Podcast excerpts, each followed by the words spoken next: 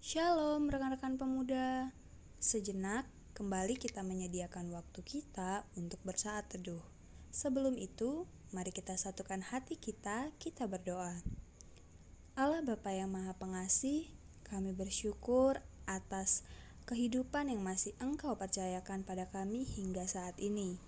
Biarlah hidup ini boleh kami isi dengan hal-hal yang berkenan di hadapan-Mu. Ya Tuhan, sebentar kami akan bersaat teduh, kiranya Engkau memberkati baik itu pembacaan Alkitab maupun renungan nantinya. Inilah doa dan harapan kami, dalam nama Yesus kami berdoa dan bersyukur. Amin. Rekan-rekan, adapun pembacaan Alkitab kita pada hari ini diambil dari kitab Galatia 4 ayatnya yang pertama hingga yang ketujuh, yang berbunyi demikian. Tak ada lagi perhambaan. Yang dimaksud ialah selama seorang ahli waris belum akil balik, sedikit pun ia tidak berbeda dengan seorang hamba.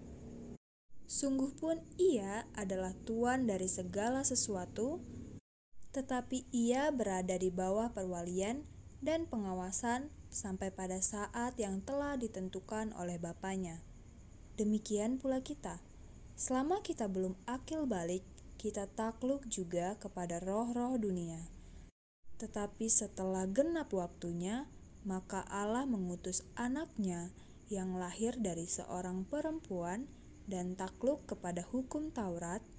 Ia diutus untuk menebus mereka yang takluk kepada hukum Taurat supaya kita diterima menjadi anak. Dan karena kamu adalah anak, maka Allah telah menyuruh roh anaknya ke dalam hati kita yang berseru, Ya Aba, Ya Bapa. Jadi kamu bukan lagi hamba, melainkan anak.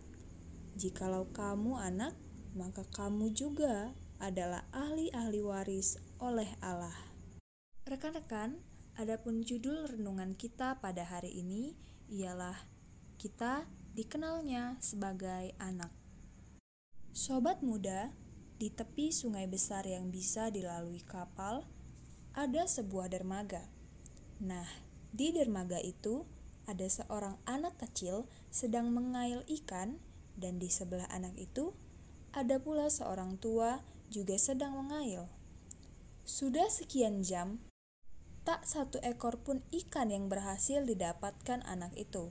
Berbeda dengan orang tua yang ada di dekatnya, terlihat sudah beberapa ekor ikan yang berhasil didapatnya.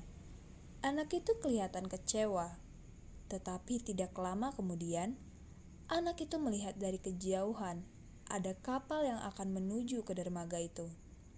Lalu anak itu melepas bajunya, kemudian mengibar-ngibarkan bajunya seperti sedang memberi tanda pada kapal yang datang dari jauh.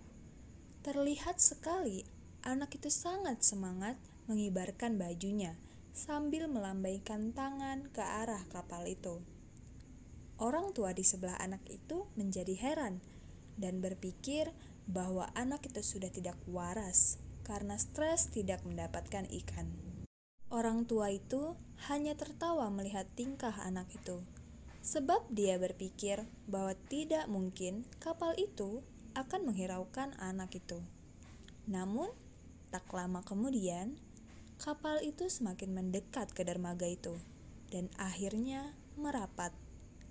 Lalu, saat pintu kapal terbuka, nahkoda kapal itu berlari ke arah anak itu lalu menggendong anak itu. Eh, walaupun dari jauh, ayahku mengenal aku dan aku mengenal kapal ayahku.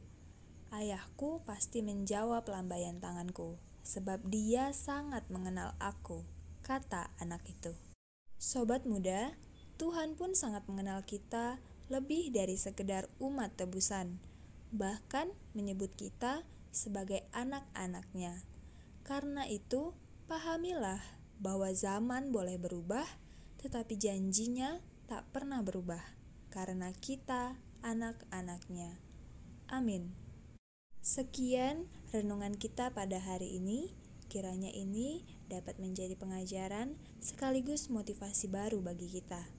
Mari kembali kita bersatu di dalam doa. Allah Bapa sumber kehidupan, terima kasih telah Engkau berikan kesempatan kepada kami untuk mendengarkan sekali lagi renungan.